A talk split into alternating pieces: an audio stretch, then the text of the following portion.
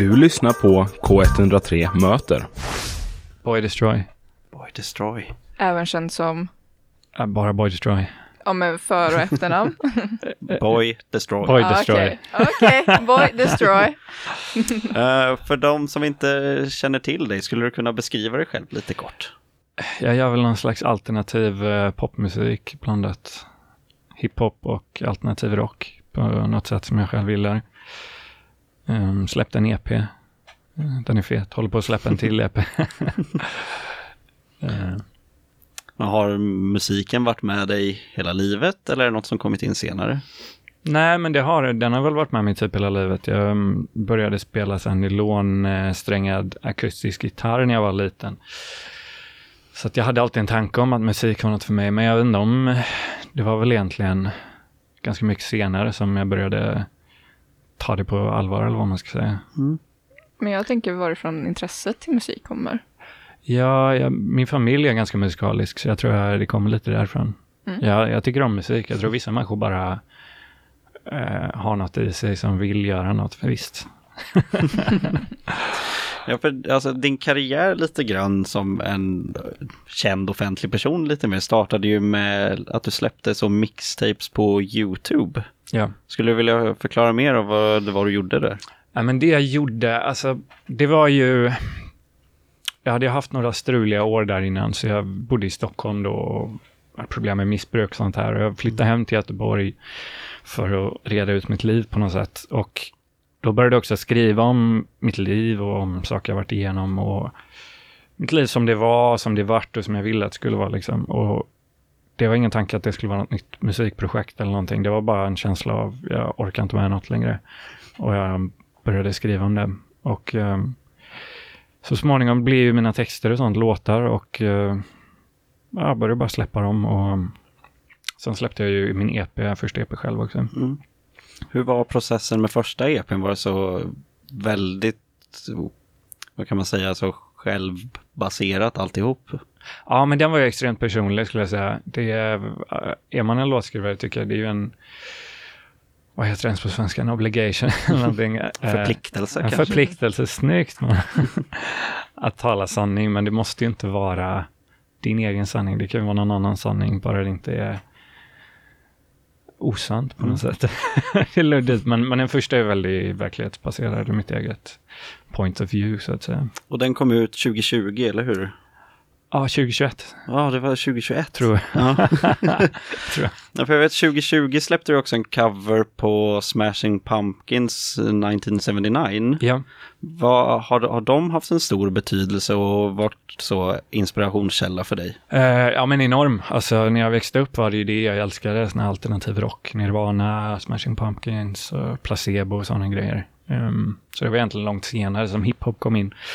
Så var, bara, lyssnade jag bara på emo-rap och sånt i flera år. så det var väl när jag skulle göra musik själv att det blev en, eh, eh, ett hopkok av det. Mm. Kändes rätt naturligt.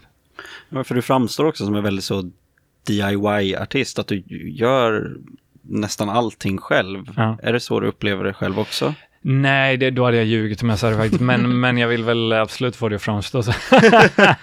Nej, men eh, jag har ju ett finger med i alla eh, spel. Liksom. Jag, när jag gör en låt får jag bilder i huvudet som sen jag går med ibland och har tydliga idéer till videos och sånt här. Och andra gånger jobbar jag med andra. Så att det, det är väl alltid en group effort. Men, eh, men absolut, jag har ju ett eh, finger med Mm. allt. Du pratar om videorna där, tycker du att det är ett intressant medie att jobba i just med dina videor? Ja, men verkligen. Alltså film och eh, video är ju mycket det som inspirerar mig till musiken. Mm. Så det är ganska coolt tycker jag hur det kan gå från video till mina öron. till mina öron till en video typ. Så absolut. Hur känner du då för liksom, sammanhanget av att gå ut och spela live? Är det något du tycker om eller? Vä- Väldigt mycket. Mm. Jag, jag började ju släppa musik under corona så jag var inte... Eh, jag var ju liksom inte...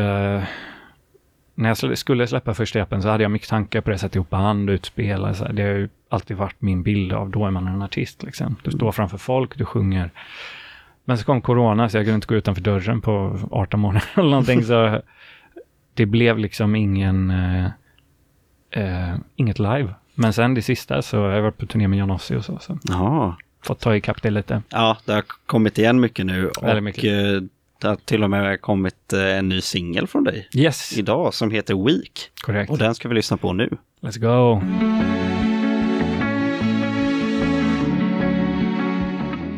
Det där var då Boy Destroy med låten Vi.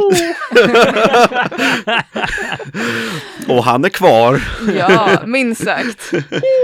Och då, jag undrar ju hur den här låten alltså, skiljer sig jämfört med dina tidigare singlar. Ja, den här...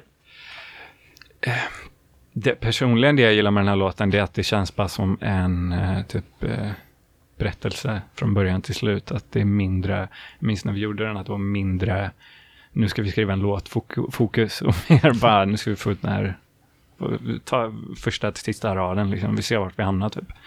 Ehm, så det är väl det, det är någon slags R&B storytelling i den skulle jag säga. Ehm, och det är mycket stråk på den, det har jag inte alltid Mm. där.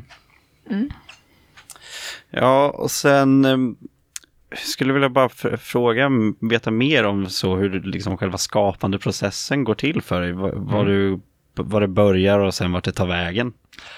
Ja, alltså som alla låtskrivare och sånt jag känner så kan det ju börja lite varstans. Ibland är det en melodi som kommer i huvudet när man står i duschen eller står i diskar eller vad som helst. Ehm, och andra gånger kan jag sitta med en gitarr en timme och inte få ur mig. Bara, "Nu, Jag vill skriva det här men jag har det liksom inte i mig. Typ. Så det handlar väl... Det går ju att grinda fram musik och ibland måste det göras. Mm. Men ibland går det ju också att bara få den här inspirationen och gå på det. Och så Ja. går det fort. Är du en sån som brukar, när du får idéer typ mitt ute på stan med hörlurar på dig, sån som går och sätter dig i ett hörn, drar fram röstmemo och spelar in en melodi som du har i 100 huvudet? procent. Alltså, jag var i London för ett par veckor sedan och skrev låtar. Och på flygplatsen hem, så jag blev så sjukt inspirerad den veckan. Så jag satt där mitt, jag hade typ en timme och en halv och väntade på ställstället. Så jag satt där och bara, mitt på, eh, bland folk. Liksom. Så att ja, absolut, det, jag tror det är en grej som jag kommit över, att det skulle vara pinigt eller något. Det är bara, det är bara att göra det. Ja. Och sen, sa du, hade du varit i London nyligen också? Ja, exakt. Jag jobbar med lite producenter och sånt Ja. där. Så. För det var väl ändå, det var en radiostation på London som gav dig ditt första så kommersiella uppsving. Ja, exakt. BBC har ju spelat många av mina singlar. Och de utnämnde det till och med en av dina låtar till Tune of the Week. Ja, ja, ja, ja. Och det var, var det något som så föranledde vidare i karriären eller? Eh, ja, absolut. Alltså den musiken jag gör, jag skulle säga att det finns en publik för det i Sverige. Eh, och jag hoppas de lyssnar på det här just nu. eh, men framförallt finns den ju i USA och eh, England. Så att det är väl därför folk, eh, det är väl därför jag har flest lyssnare där tror jag. Ja. Och jag tänker liksom, du nämnde att du var i London och skrev Mm. låtar. Vad har du planerat för framtiden? Någon sneak peek du kan ge oss? Eh, jag släpper en EP i september. Jag vet inte om ni har fått det av eh, folk. Det har vi hört. Ja, fan. Då, vad, ska, vad kan jag droppa då? Jag spelar på bilarm, nej det har gått ut något. så. vad ska jag göra? Ehm, förhoppningsvis en feature eller två innan årsslutet. Mm. Ja, Okej. Nice. Vilket spår kommer EPn ta? Kommer det vara mer åt det här rb hållet som låten vi hörde? Ehm, eh, ja, jag skulle säga... Um, alltså, den är ganska så här... Jag vill inte säga psykedelisk, för det ger en fel bild, liksom, men den är ganska... ehm, den har många olika lager, den här EPn, så att... ehm, nej, jag skulle inte säga att de låtarna som jag släppte är mer R&B. De är, det är en låt som är typ en emo-alternativ eh, rocklåt. Mm. Eh, fast utan gitarr och trummor, typ Mm. akustisk. Eh, Det känns som ett återupplivande av 90-talsmusikscenen lite ja, men det är väl det jag vill göra på något sätt. Ja, Det är väl det, fast ta det in i framtiden kanske. det är eh, svinfett. Ja, men. Jag tänker ju, alltså en spontan fråga.